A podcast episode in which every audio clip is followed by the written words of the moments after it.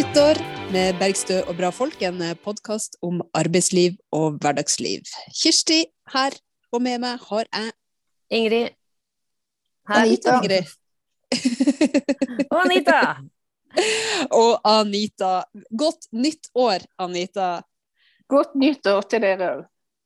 Eller det vi kanskje må starte med å si, er at vi håper så inderlig at det blir et godt nytt år, og med gode nyheter eh, for deg, eh, dine kollegaer, din arbeidsplass og ditt lokalsamfunn.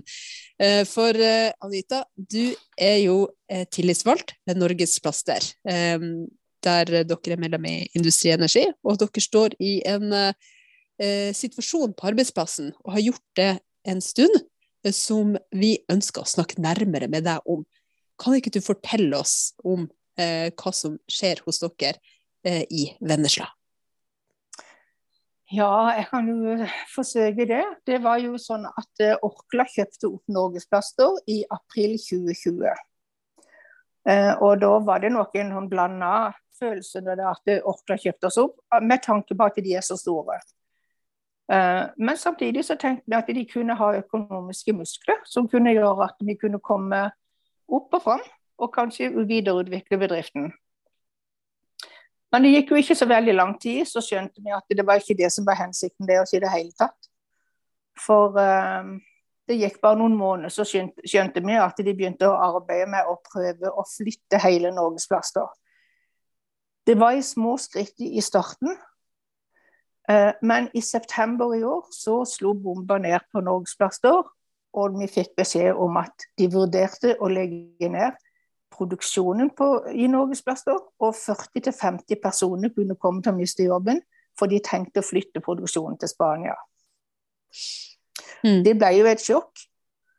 Eh, og dagen etterpå så troppa jeg opp på ordførerens kontor og sa at nå er det alvor, nå trenger vi all den drahjelpa vi kan ha. Og etterpå det så har det egentlig vært 24-7 at vi har jobba med denne saken. Og eh, De sier jo at, det, at det avgjørelsen skal tas nå i januar, kanskje litt ut i februar, før avgjørelsen blir tatt. Eh, og vi lever egentlig et veldig usikkert liv akkurat nå, for vi vet egentlig ikke hvordan dette vil bli. Vi har ikke peiling. Men Hva var de første tegnene dere fikk da, til at de begynte å tenke på utflagging? Eh, de første tegnene var at de begynte å se på bemanning. Og da var det først og fremst i eh, administrasjonen, egentlig. Og det, der har det vært ganske godt med folk, for å si det forsiktig. For det at vi kjøpte opp eh, en bedrift som heter Snøgg. Eh, og da, da, var det ganske mange. Så det var der begynte de å se på det først. Så det fikk følge for tre-fire personer der at de, måtte, de ble overflødige. Eh, og etter hvert så, så fjerna de vår daglige leder. Da gjorde de noen sånn omorganiseringer, du, for å bruke noen fine ord, ikke sant? for at uh, han skulle bli overtallig. Så han, uh, han, var på et hjemmekontor han, fra mai til, fram til september i år. Da, da var, var, han borte vekk, og han hadde jo vært vår daglige leder i mange, mange år. Da kom det en ifra som Orkla plasserte der, som skulle liksom bli ny daglig leder. da. Og vi skjønte vel alle hva han skulle gjøre. Så han skulle vel egentlig bare prøve å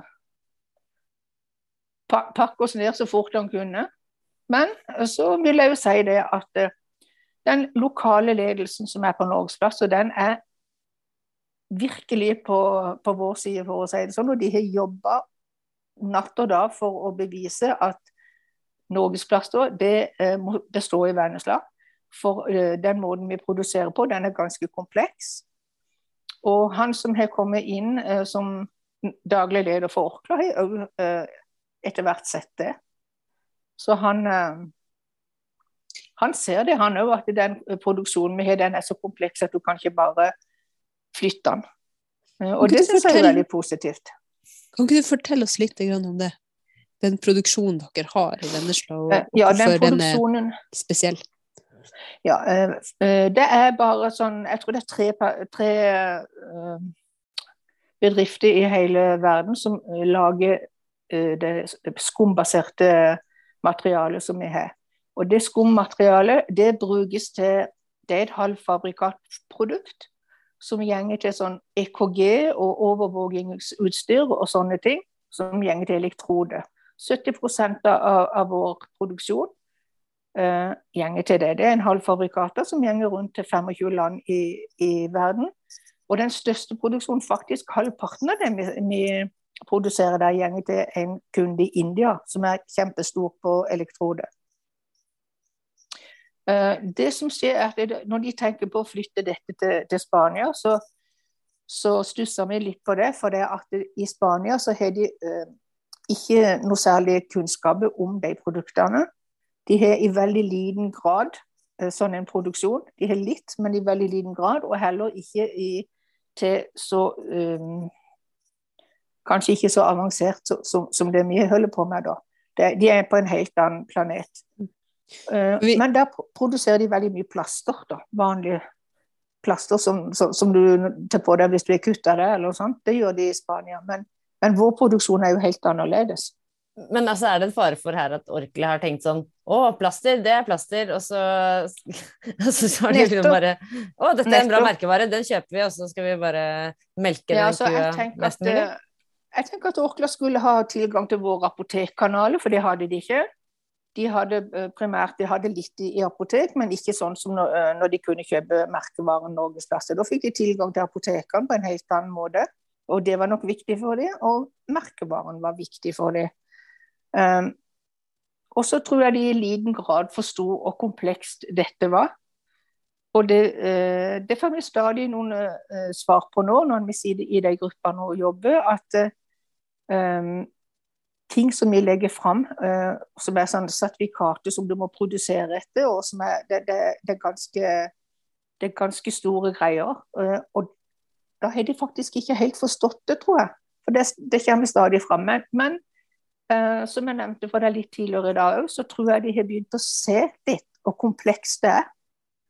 Så vi har jo et lite håp om at vi skal klare å bevare produksjonen i Vennesla. Men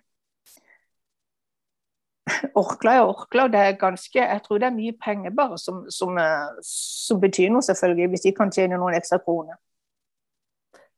Fordi da du, da du, sa hvordan det var da de tok over eh, for halvannet år siden, så sa du jo at dere var litt, kanskje litt skeptiske, men så tenkte dere også at dette kanskje kunne gi dere litt, sånn, ja, litt økonomiske muskler og sånn.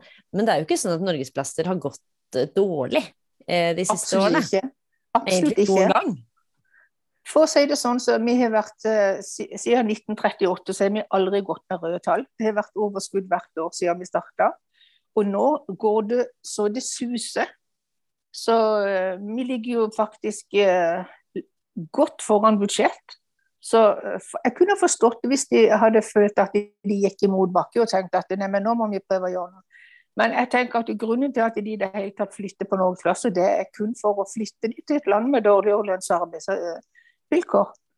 Og det er mm. lavere lønninger i Spania, så det, det, da ser de at de kanskje kan spare noen kroner. Ingen samfunnsansvar i det hele tatt, tenker jo vi. Ja, for her er det snakk om å gå fra overskudd til eh, mer overskudd, med profitt som, som, eneste ja. drivkraft. Og det, jo, det, burde jo ikke vært lov eh, å legge ned, avvikle lønnsomme eh, eh kompetansearbeidsplasser bare fordi at eh, arbeidskrafta er billigere enn annen plass. Det er jo oppskrifta på industridød. Nemlig. Og, og, det er noe som jeg faktisk eh, snakka med de om på Stortinget, altså når vi hadde det Teams-møtet på Stortinget, så sa jeg det burde være sånn at noen var inne og kontrollerte de tingene. For at du bare kan gjøre sånn eh, for at aksjonærene da skal ha litt mer i, i andre enden. Og legge ned eh, solide eh, norske arbeidsplasser som alltid har gått med overskudd, og som gjenger så det suser. Det, det, rett og slett, det skulle vært forbudt. Mm. Rett og slett. Det skulle vært forbudt med lov. For her snakker vi jo en ganske viktig del av, eh, av næringslivet i Vennesla, selvfølgelig. En ja. viktig bedrift i lokalsamfunnet, men også en, en, en, del av Norges industrihistorie. Fordi eh, det har jo vært produksjon og oppstart eh, i, i lang tid. Mm. der, der, det er dere som har stått for det. Og hvis jeg har skjønt riktig, Anita, så er du eh, sannelig en skårunge på arbeidsplassen. Du har vært der en stund, du òg? Ja, eh, faktisk så begynner det å nærme seg 45 år. Det begynner å nærme seg 45 år. Ja, i, i april så har jeg vært der i 45 år. Altså, nå er det jo ikke det... så mange som ser bilde av deg på podkasten, men du ser jo ut som du er 46. Sånn at det er jo litt spesielt. Før i tida var det jo vanlig med sånn barnearbeid. Nei, men virkelig, hvor gammel var du da du begynte? Jeg var 19 år da jeg begynte, og når jeg begynte der, så tenkte jeg ja, jeg kan jo alltids være her et par år. Og det var jo noen som hadde vært der i sånn seks år, syv år, så tenkte jeg ja, det var jo helt vilt, syns jeg, at de hadde vært der så lenge. Men nå si det her når jeg snart vært der i 45. du, det, må, det, sier jo litt om arbeids, arbeidsplassen, det, da? Ja, du vet, Jeg har veldig lyst til å si det, altså, at det er så mange der nede som har vært der i, ja, fra 25 år og opp til 40. Det er kjempemange som har, som har vært der så lenge. Og det er jo litt skummelt nå i denne saken, ikke sant? for da er det veldig mange som er i en utsatt alder i forhold til hvis du skulle, hvis du skulle bli overtallig, da så, så, så du ikke jobbene i kø når du har blitt 55 år. Mm. Det er ikke meg det er synd på, for å si det sånn, for det er 64. Så, så det, derfor så tenker jeg det, det er mange som, som lever et farlig liv akkurat nå. De, de, er veldig nervøse, veldig mange på jobb. Og det er voldsom usikkerhet som, som, som ligger over oss hele tida. Det er veldig tungt å gå i det er veldig veldig tøft å, å stå i og, og ha den mm. uh, usikkerheten hengende på skuldrene. Men uh, når du starta med hvordan dette ble presentert for dere, så sa du at uh, dere var på et møte, oppfatta jeg at, at, det var, der dere fikk da beskjed om at de vurderte det. Men hva, sa de noe om hva det er som um, som gjør at de vil lande på det ene eller andre, eller hvilke vurderinger de faktisk skal ta Eh, i eh, Orkla-ledelsen rundt eh, spørsmål om, om framtida for, for norgesplaster i Vennesla? Nei, De sier vel egentlig bare det, at uh, de stender foran store økonomiske utfordringer og alt dette her som vi kjenner til nå, i sånne sammenhenger. Og at de har to plasterfabrikker. Og det irriterer meg veldig, for det er ikke to plasterfabrikker. For i Spania så produserer de plaster, men vi produserer, vi produserer ikke plaster. Det er faktisk sånn at Norges plaster Det er veldig mange år siden vi produserte en vanlig plaster som du vil ta på deg når du er kutta det. Det er ganske mange år siden. Men vi produserer f.eks. en Scanpor, som er eh, når du har tatt en blodprøve f.eks., så får du på en liten sånn en lapp med en sånn en teip over. Og det produserer vi jo på, på plaster, på norgesplaster. Og vi produserer det som går til halvfabrikater. Og vi produserer sportsteip, og vi produserer Når vi kjøpte opp uh, Snøgg, så fikk vi jo en sånn limfri plastertype. Så, uh, og det var jo en delegasjon uh, som var nede, vi som jobba i den gruppa her, vi var jo nede til Barcelona på den fabrikken i Spania og fikk se det der. Og da fikk du se og forskjellig de produ produksjonene. Derfor så tenker jeg at de kan ikke snakke om at de vil samle det på ett sted. For de gjør ikke, for det, de samler det ikke noe. De flytter våre ting ned der i tilfelle. Og no, de har ikke de produktene der nede. Og noen av de har de aldri eh, kjennskap til engang, for de har aldri hatt det. Alt som kommer fra Snøgg, har de ikke hatt. Så jeg tenker mm, Det har vært veldig vanskelig å, å, å, forstå hvorfor de skal flytte på det. For uh, det er så vidt forskjellig produksjon og så vidt forskjellig måte å produsere på, og arealmessig og alt dette her. At jeg kan ikke forstå at de eh, tenker at de skal samle det et sted, for det, det gjør de ikke. De til våre så flytter de til Spania, og det er kun, kun for å spare noen penger. Men, og da eh, tenker jeg helst på lønningene. Ja, for vil det i det hele tatt være mulig å flytte noen av disse maskinene som dere har i, i produksjonen? Altså helt, sånn, helt, fysisk, går det an å flytte dem, eller må man du, altså, um, Nå har vi akkurat fått beskjed om at uh, den store, vi kaller det for en strykmaskin, det er der alle produktene går igjennom og blir bestrøket med, med lim, at den kan de ikke fysisk flytte. Uh, og det er jo for så vidt uh, det er jo for så vidt en, eh, en, god beskjed å få, samtidig som det er litt skummelt. For hva har de tenkt å gjøre? Uh, har de tenkt å bare ta med seg alt det andre og la den stå igjen? eller har de tenkt at det fortsatt skal være produksjon på den? Og det er Altså, jeg sa at det var 70% som gikk til eksport, og 50% av det går til én kunde i India. Og, og, hvis de da tenker at de ikke skulle tatt, ha produksjon fortsatt, så er det så mye penger at jeg kan ikke klare å forstå at Orkla eh, ville gjøre det. Og, og det, det, tviler jeg på. At det er derfor helt lite håp om at det fortsatt kan være produksjon. Mm. Men vi vet jo ingenting. Nei, og det må jo være um, det, er jo, det, er jo, en del av problemet her, at man vet ingenting. Men, eh, men det virker jo sannelig ikke som ledelsen vet så mye heller. For hvis vi skal høre etter på, på argumentene de bruker, med en, eh, det økonomiske situasjonen, og så vet vi at her er det en bedrift som har gått med overskudd siden 1938.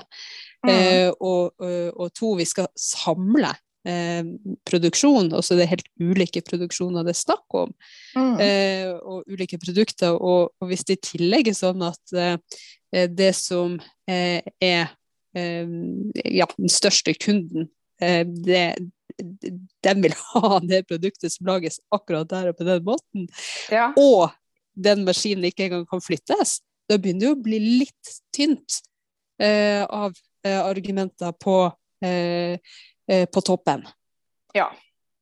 Og det, det, er jo det vi sier, og det er jo derfor vi kanskje kjenner litt på at uh, Kanskje det er et håp om at det blir fortsatt produksjon, men at det kan forfølge for bemanninga likevel, det tror jeg nok. Altså, for det, det, det, kommer garantert til å bli noen forandringer. Selv om de kan klare å beholde den store maskinen, da, som ikke lar seg flytte for det, av, av mange årsaker, da, så, så, så, kan de ikke flytte den.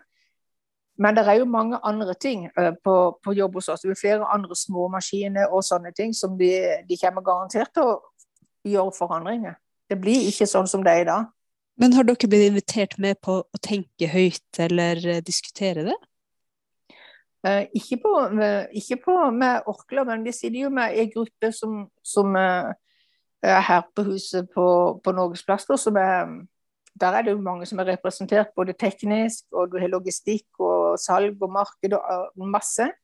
Eh, og vi jobber jo eh, for å prøve å beholde alle tingene her, og, og belyse alle eh, ja, utfordringene med å skal flytte det, og hvordan du kan kanskje klare å tjene det, gjøre en forbedring på inntjening og sånn i forhold til å produsere på en litt annen måte nå. Så det, det, vi, det jobber vi med, har holdt på med helt siden oktober.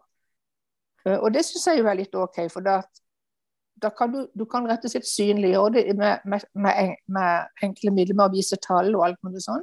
Men det, det, tok veldig lang tid før vi fikk det samme fra Spania, så du hadde noe å sammenligne med. Og så var det òg sånn at vi opplevde vel at vi ikke ble hørt så mye. Og, mm. og, og da var det jeg begynte også å si, si at uh, at jeg følte egentlig at de hadde bestemt seg allerede. Så det var bare, de måtte bare finne en måte å få gjort det på.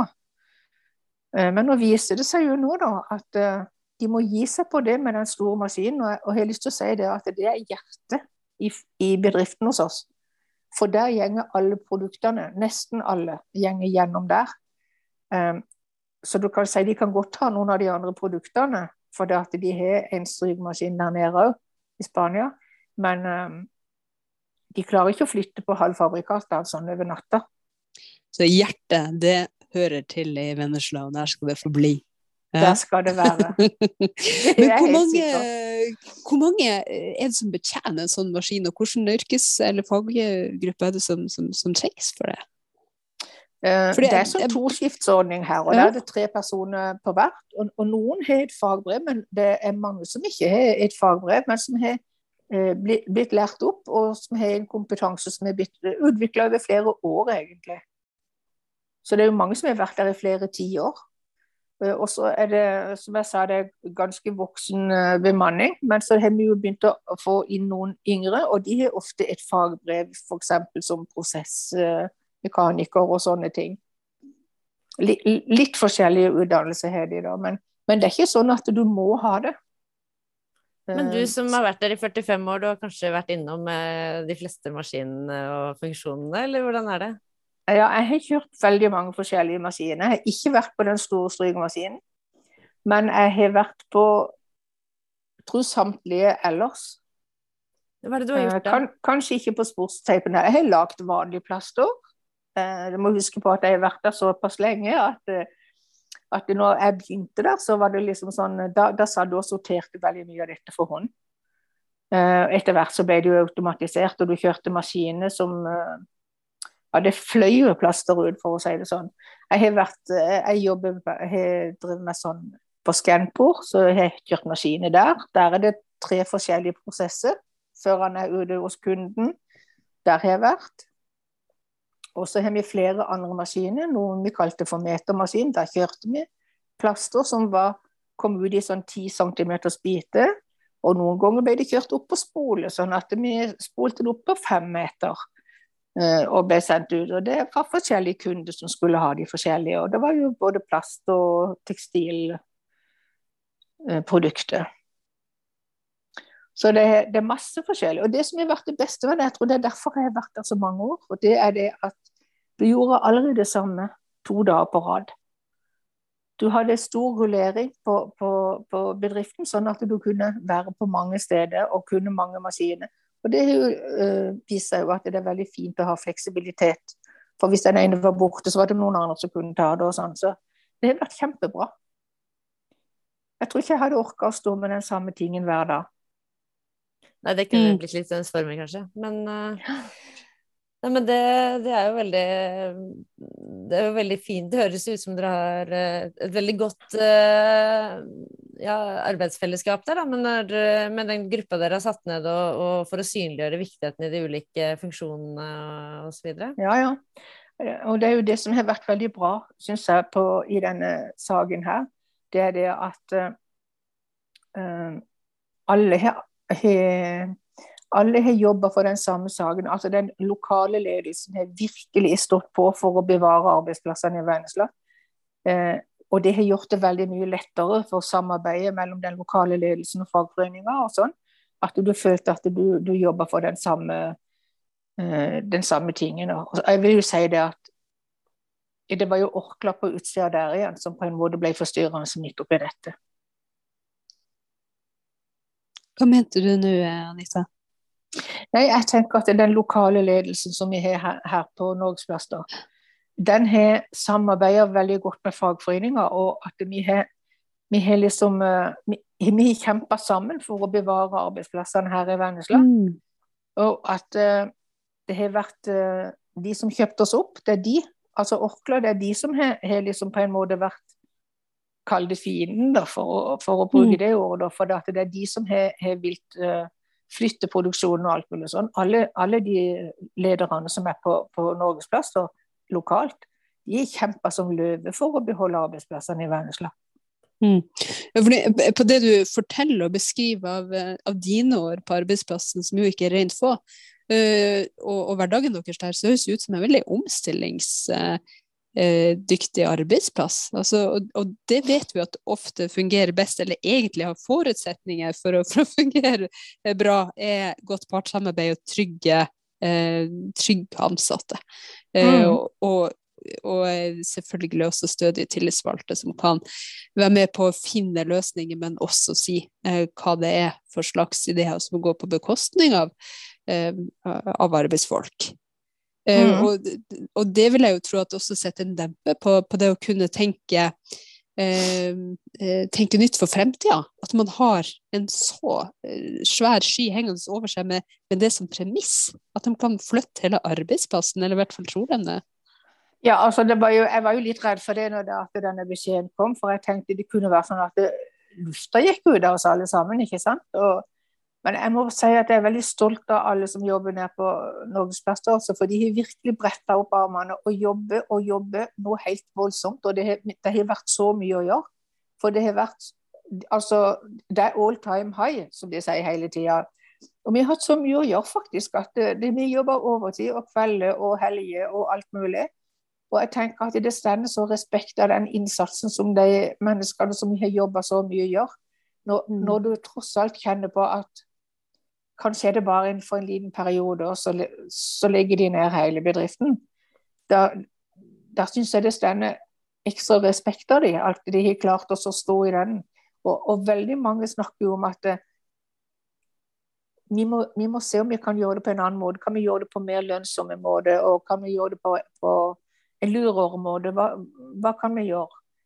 Og der, I den forbindelse så har vi jobba i den gruppa med at uh, vi synliggjør at hvis du får til noen små investeringer, så kan du kanskje gjøre det annerledes, sånn at du kan klare det med kanskje mindre folk og få mer ut. Sånn at du kan være litt kreativ og, og kan få en større produksjon, egentlig. For, for det er klart at det, eh, det er jo, vi har jo veldig mange forskjellige produkter.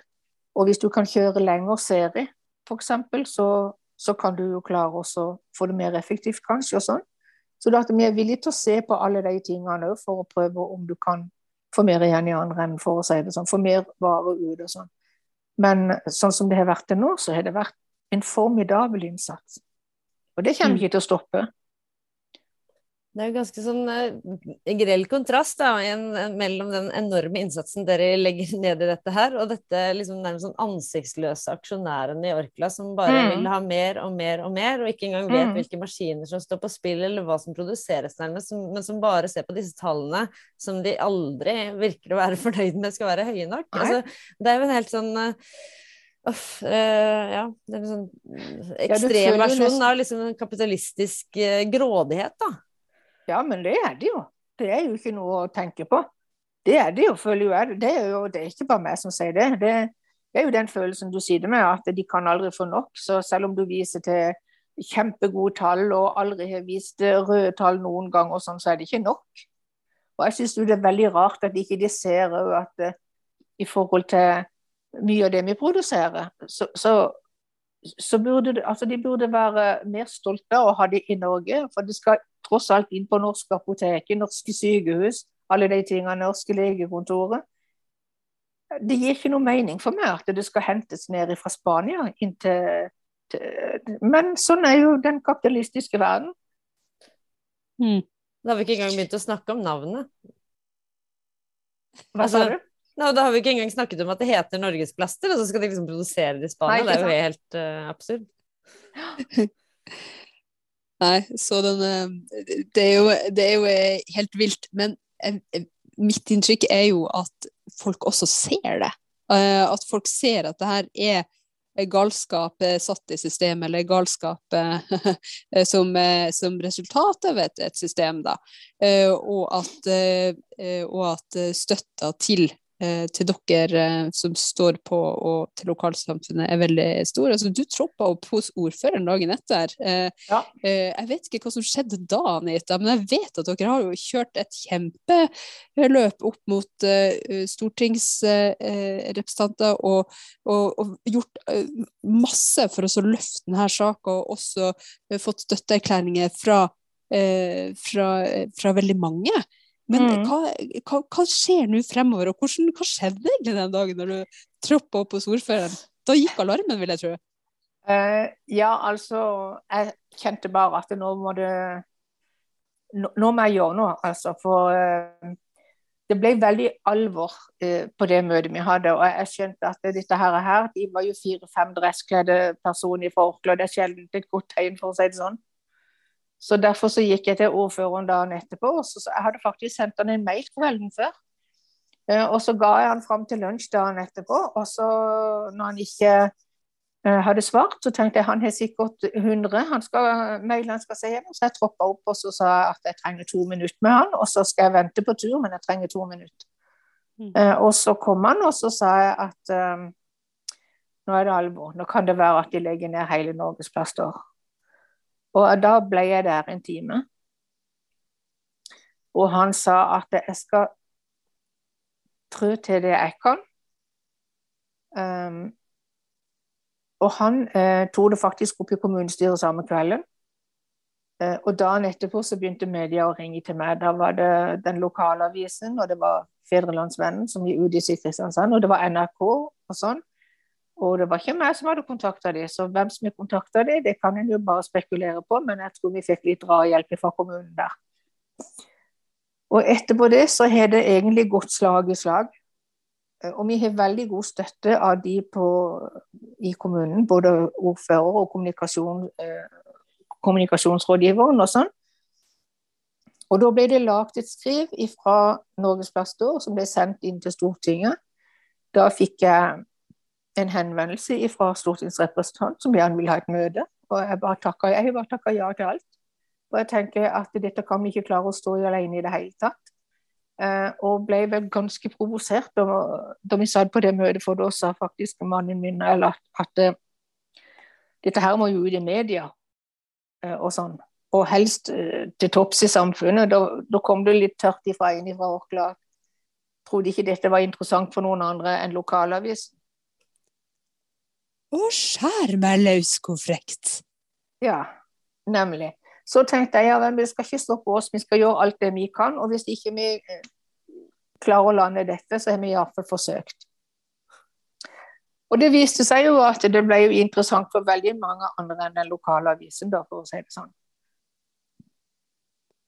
med rette skjønner de ikke hva de har gått inn på eiersida? Altså. Nei, altså det var jo altså så provoserende så, at, uh, så jeg tenkte ja vel, vi skal se om det er noen som er interessert. Og det var det jo, heldigvis. Jeg er kjempeglad for at det er så mange som vil ta tak i denne, for vi klarer det ikke alene. Men jeg har helt mm. lite håp. Jeg har ikke mista hele håpet.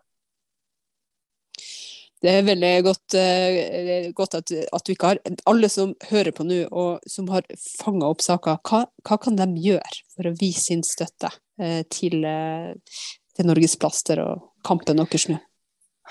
Ja, hva kan de gjøre? Um, jeg tenker at det er kjempebra at de viser støtte, og at det, at det blir holdt på å si, kalde støy. Da, for, for, det er jo ikke noe de er så veldig glad i i klart. Det har en jo liksom fått noen tilbakemeldinger på at de var ikke så glad i den støyen. Det at det kom i aviser og sånne ting. Eh, vi skulle jo hatt et fakkeltog som dessverre måtte eh, droppe pga. de nye covid-reglene. Det skulle ha vært den 21. Eh, desember. Eh, og der tror jeg det hadde kommet kjempemye folk, for vi får veldig god støtte i, i lokalsamfunnet. Det er sånn, hvis du kommer ned i, i sentrum her, så så får du hele tida en eller annen kommentar om at det, nå må de ikke stå på, vi må, vi må, vi må kjempe med, sammen med dere og sånn. Og det syns jeg er veldig godt å høre. For mm. engasjementet er kjempestort i, i bygda. Eh, og det tror jeg at eh, jeg tror at det er mange som, For det, det er jo ikke bare for Norges beste, dette her. Det her er for framtida for, for, norske bedrifter. Det, det, her er jo sånn Dette har vi sett mange ganger før.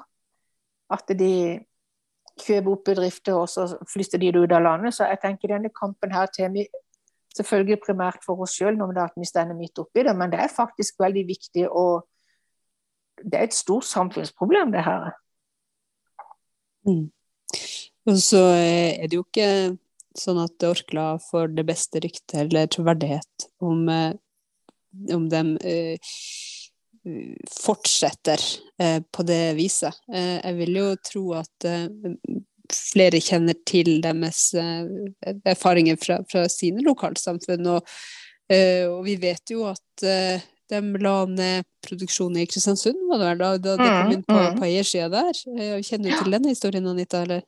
Ja, bare sånn via media, da. Altså, for det er, for da, og det var jo noe Jeg begynte jo å google meg en gang uh, vi fikk denne beskjeden. Og da skjønte jeg jo at uh, han som var satt uh, på plass uh, som daglig leder hos oss, han hadde jo vært sterkt involvert der. I Kristiansund? Mm. Så da visste jeg jo hva han skulle.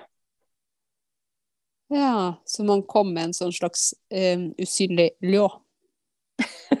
ja.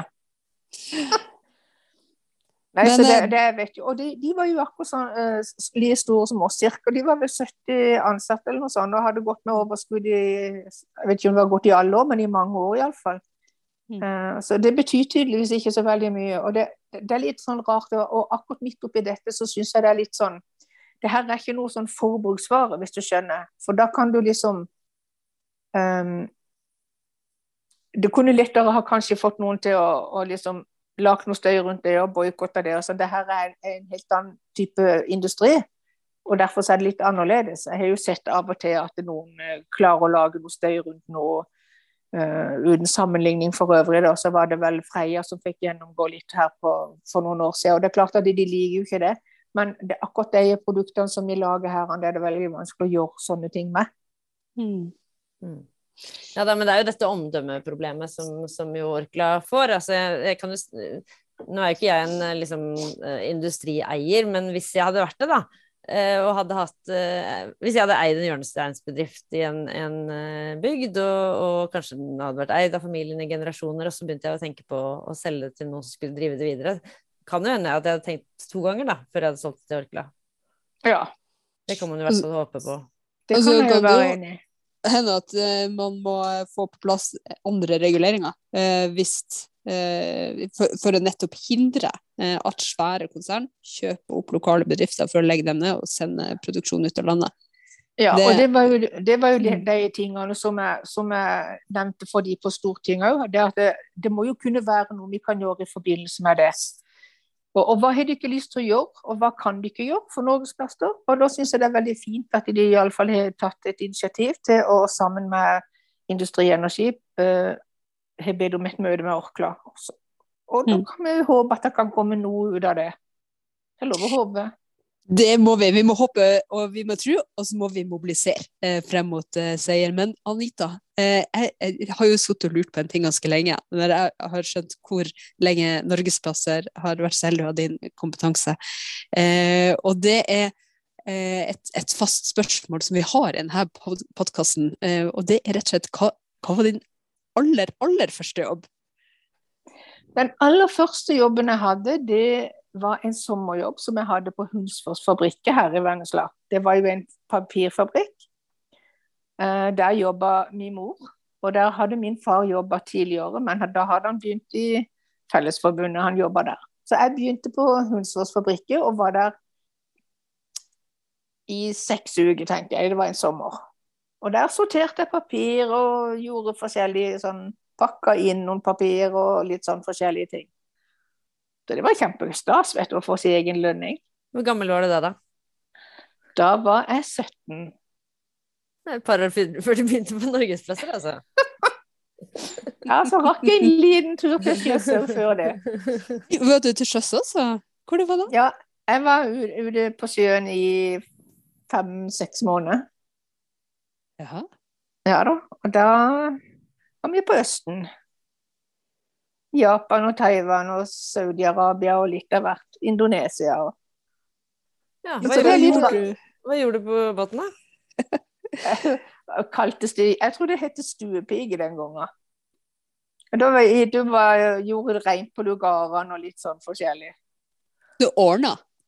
Jeg ordna opp, ja. Jeg fiksa opp. Nei, så der var vi bare et halvt år, og så reiste vi hjem, og så begynte jeg på Norgesplass, og der ble jeg. Anita, takk for at du var med oss i dag. Eh, for at du fortalte historien til Norgesplasser, og for den kampen eh, som du eh, og mange tar for at Norgesplaster skal forbli i Vennesla og i Norge. Ja, selv takk. Vi vet jo at du har bursdag i dag, Anita. og jeg håper jo at alle sammen som hører på nå, i en litt forsinka bursdagsgave, kan uh, gi Anita en varm tanke, og send de meldingene som trengs mot uh, Orkla-ledelsen. Takk. Grat gratulerer eh, med dagen til deg, Anita. Ja, Godt for det. alle sammen. Og så får vi fortsette kampen for eh, levedyktige lokalsamfunn og arbeidsplasser som skal bli der de er.